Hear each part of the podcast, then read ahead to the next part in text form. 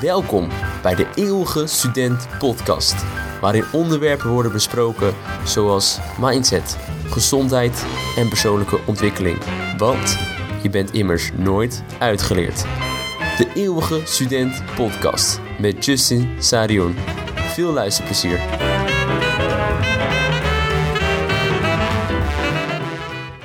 Misschien heb je wel eens gehoord van de naam rapper Boef met zijn hitsingle Habiba. Een van de bekendste lijns in het nummer is: Ik heb slaaptekort, want ik slaap tekort.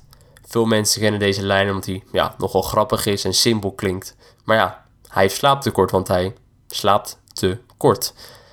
Een andere bekendere rapper uit de Verenigde Staten, genaamd Nas, heeft ook een bekend nummer waarin hij rapt: I never sleep, cause sleep is the cousin of death. En deze lijn is door heel veel andere rappers en in mainstream media in algemeen ook gebruikt. En dit is een trend die we steeds vaker zien in ontwikkelde landen zoals Nederland. Maar wat voor gevolgen heeft dat eigenlijk? Uit recent onderzoek is gebleken dat volwassen mensen, eigenlijk ieder mens, tussen de 7 à 9 uur slaap nodig heeft per nacht. En dan denk jij misschien vast wel, ja, maar ik ben die uitzondering. Wat blijkt, 99,999% heeft 7 tot 9 uur slaap nodig. En minder dan 7 uur slapen heeft enorme gevolgen. Het verhoogt de kans op kanker, op hart- en vaatziekten, op diabetes, op de kans van ziekte van Alzheimer, depressie, suïcidale gedachten en zoveel meer. Slaap is zo belangrijk in ons leven. Er wordt vaak gezegd dat voor een gezond leven er drie pilaren zijn: beweging, voeding en slaap. Maar wat blijkt? Dat slaap de grootste pilaar is. En dat we eigenlijk niet meer hoeven te kijken naar de andere twee pilaren, voeding en beweging, als je slaapritme niet in orde is. Het is heel belangrijk om je genoeg aantal uren te slapen en ook je kwaliteit van slaap in orde te houden. En de kwaliteit is bijvoorbeeld door uh, niet wakker te worden midden in de nacht, omdat je in een diepe slaap terechtkomt. En wat we ook zien is slaap is belangrijk voor onze gezondheid. Zoals net al zei, inderdaad, de kans op heel veel ziektes wordt bepaald door slaap. Uit onderzoek is gebleken dat na één dag minder slapen er al verschijnselen kunnen zijn als je dat aan de dokter laat zien, waardoor je de stempel krijgt van pre-diabetes status.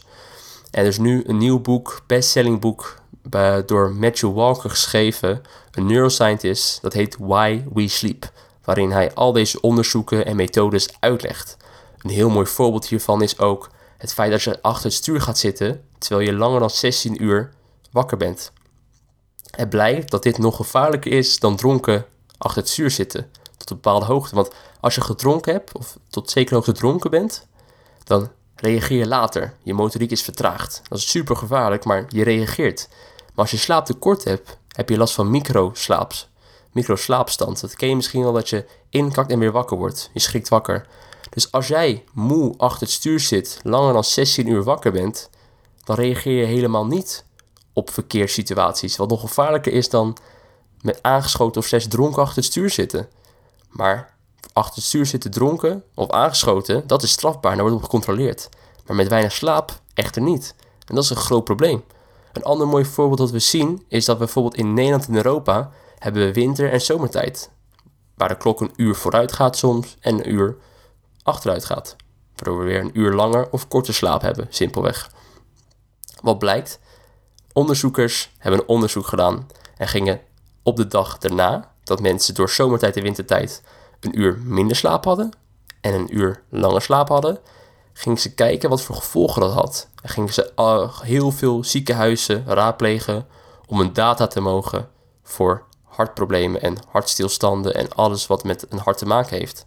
Wat bleek uit het onderzoek is dat op de dag, of op de nacht moet ik zeggen, dat de, uur, dat de klok een uur vooruit ging, er veel meer mensen werden opgenomen met hartproblemen. En op de dag of nacht dat de klok een uur achteruit ging, het weer onder het gemiddelde zat van mensen die werden opgenomen voor een hartstilstand of andere hartkwalen.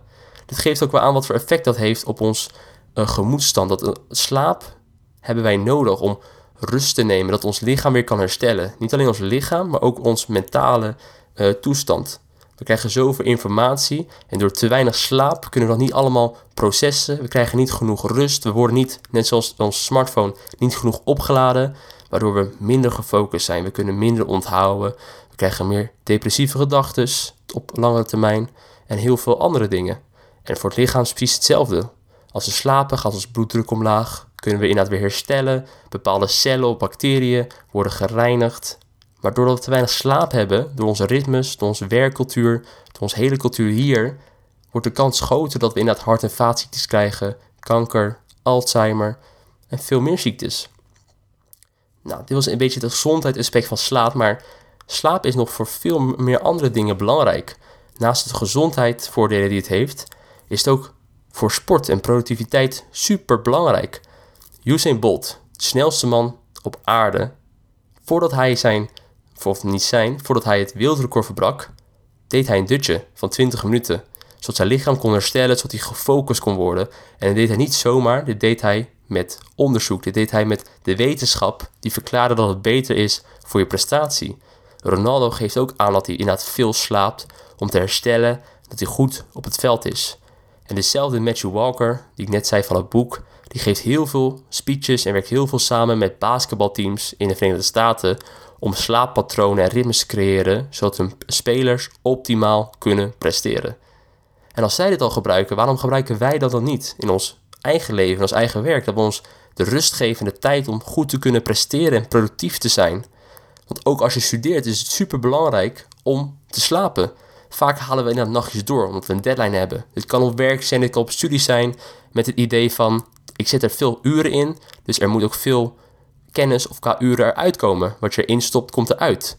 Maar die formule klopt niet helemaal, want het blijkt dat als je slaapt, dan gaan er inderdaad verbindingen, uh, worden verbindingen gemaakt in je brein.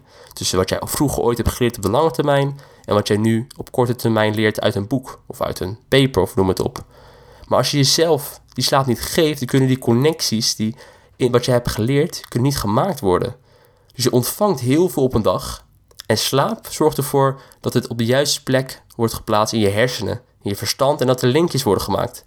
Maar wat studenten doen of mensen op het werkvloer zelfs door deadlines, die geven hun lichaam en hun gedachten en hun brein geen tijd om te slapen, om op te laden, om die linkjes te maken, waardoor je eigenlijk minder productief wordt. Verder is het ook heel goed voor creativiteit om jezelf te laten slapen. Remslaap, wat ook wordt vaak gezien als droomslaap, geeft ervoor dat je super creatief bent. Want misschien heb je het zelf ervaren al. In een droom kan alles gebeuren. Alle natuurwetten worden verbroken en alle ideeën die je maar ooit hebt gezien kunnen naar boven komen. Het kan soms heel psychopathisch overkomen dromen, omdat de raarste mensen, situaties kunnen zich voordoen. En er zijn heel veel mensen die hun ideeën te danken hebben aan een droom. Een mooi voorbeeld hiervan is de bedenker van het periodiek stelsel of systeem. Die heb je misschien wel zien hangen in het scheikundelokaal of misschien als je nog mee bezig bent. Deze meneer had het bedacht, maar hij gaf aan dat hij al vijf jaar lang mee bezig was. En hij kon maar niet opkomen op een systeem om al die elementen goed uit te leggen en met elkaar ja, te verklaren, voor, om een overzicht te creëren. toen gaf hij aan dat hij het in een droom zag, dat tabel wat we nu leren in school voor scheikunde. En hij gaf aan, ik zag het in een droom en alles viel opeens op de plek. En dat zien we wel vaak of horen we vaker, dat mensen zeiden van, die zaten heel hard te denken of iets proberen, te leren, of nou, nou het stof is, of een, iets met de piano met je handen, of een, een taak inderdaad. Die gingen slapen en toen werden ze wakker en toen viel het allemaal op zijn plek. Thomas Edison ook, of een Google, waar werknemers inderdaad worden gestimuleerd om dutjes te nemen, zodat ze inderdaad weer fris zijn en weer goed kunnen nadenken over hun werk en weer nieuwe ideeën kunnen oplossen. En vooral vandaag de dag met deze complexe problemen die wij hebben in onze samenleving, met natuur, tussen landen, eh, in Nederland zelf of misschien binnen wat eh, kleinere sferen, in je huishouden, met je relaties, met jezelf, is het super belangrijk dat we ons slaap nemen, zodat we inderdaad oplossingen kunnen uh, verzinnen en nieuwe inzichten kunnen krijgen om deze uitdagingen aan te gaan en op te lossen. En dan misschien sommige mensen denken van ja, leuk, inderdaad, uh, dat slapen. Maar ik kan niet slapen. Dat zien we ook steeds vaker. Dat mensen wel willen slapen, maar het lukt niet om te slapen. Want het feit is, als jij om 10 uur naar bed gaat en je staat om 8 uur op, betekent niet gelijk dat je 10 uur hebt geslapen. Je hebt jezelf 10 uur de kans gegeven om te slapen, maar je bent niet 10 uur in slaap gegaan. En dit kunnen we verbeteren. En als je meer wilt weten, dan kan je het inderdaad opzoeken of je kunt het boek lezen Why We Sleep van Matthew Walkers. Maar ik wil een paar tips met je delen die mij al erg hebben geholpen en die ik denk die jou ook gaan helpen. Eén tip is vaste tijd naar bed gaan en opstaan, zelfs in de weekenden. Dit zorgt ervoor dat je een gewoonte creëert, dat je lichaam niet meer nadenkt over wanneer het kan slapen. En zorgt er ook voor dat de, want in je brein komen er stoffen vrij dat je moe wordt en wakker wordt. En als je elke dag dezelfde tijd naar bed gaat en dezelfde tijd opstaat, dan weet je brein wanneer het de stoffen vrij kan laten en weet wanneer het kan slapen. Dus vaste tijden, zelfs in het weekend, helpt ervoor dat je beter gaat slapen. Verminder licht en elektronische slapen, eh, elektronische uh, apparaten voor het slapen. Dus een half uur voordat je naar bed gaat, ga niet op je laptop zitten. Ga niet achter je smartphone zitten. Ga niet die e-reader pakken, want dat licht zorgt ervoor dat je wakker blijft en je gedachten, je bent bezig. Neem wat rust. Zorg ook, e- neem ook echt de tijd om in die slaapmodus te komen. Dus voordat je naar bed gaat, chill. Lees een boek. Dat helpt er ook weer voor dat je een gewoonte maakt. Elke keer dat je een boek leest, hey, je brein vertelt, ik lees een boek, dus binnenkort ga ik slapen. Ik ga me alvast in die, in die status eh, brengen. Ik ga alvast hormonen aanmaken en neuronen, zodat ik in slaap kom. Een andere tip is niet te veel eten en drinken voordat je gaat slapen. Dat is iets wat vaak moeders zal vertellen, maar het is echt zo. Als je zwaar eet of veel drinkt, heb je een grote kans dat je lichaam te druk bezig is met de spijsvertering. En als je veel drinkt, tja, dan moet je inderdaad uh, plassen en dan sta je weer op. Ben je weer uit je dromen. Pas ook op in met koffie en alcohol, cafeïne en alcohol, want die zorgen ervoor dat je, het, cafeïne zorgt er trouwens voor dat je niet slaapt. Maar alcohol zorgt ervoor dat je wel slaapt, maar niet in een diepe slaap komt. Dus soms lijkt het alsof je beter slaapt, maar de kwaliteit van je slaap is veel minder dan dat je geen alcohol drinkt. En de laatste, die ik heb nog niet geprobeerd, maar ik stond er echt van te kijken toen ik hem las. Uit onderzoek blijkt, gebruik je bed alleen maar om te slapen. Dus wat veel mensen doen, en ik ben er zelf ook schuldig aan, als ik niet kan slapen, blijf ik in bed liggen. Doe dat niet, wordt verteld. Want wat blijkt, als jij ervoor zorgt dat je blijft liggen, dan maak je niet de associatie in je brein dat je bed alleen voor het slapen is. Als jij alleen slaapt in je bed, en als je niet kan slapen eruit gaat en bijvoorbeeld even gaat lopen of even water drinkt of eventjes een boek leest en als je moe bent weer terug in bed gaat, dan maak je, maak je een associatie in je brein van oké, als ik hier ben, als ik hier ligt op deze locatie, slaap. Alleen slaap. Alleen slapen mag ik als ik hier ben en kan doen. En niet wakker liggen. Dus heb je last van wakker liggen in je bed, probeer eruit te gaan. Probeer iets te doen zodat je weer moe bent. En zodra je moe bent, ga gelijk weer in bed liggen en slapen. Het helpt ervoor om die relatie te maken in je hoofd tussen je brein en je bed. Dat dat slaap is en niets anders. Dus ik hoop ervoor dat je iets aan deze tips hebt. En ik hoop ervoor dat je inderdaad een goede nachtrust hebt na het luisteren van deze podcast. Hartstikke bedankt voor het luisteren. Vond je dit nou een leuke aflevering?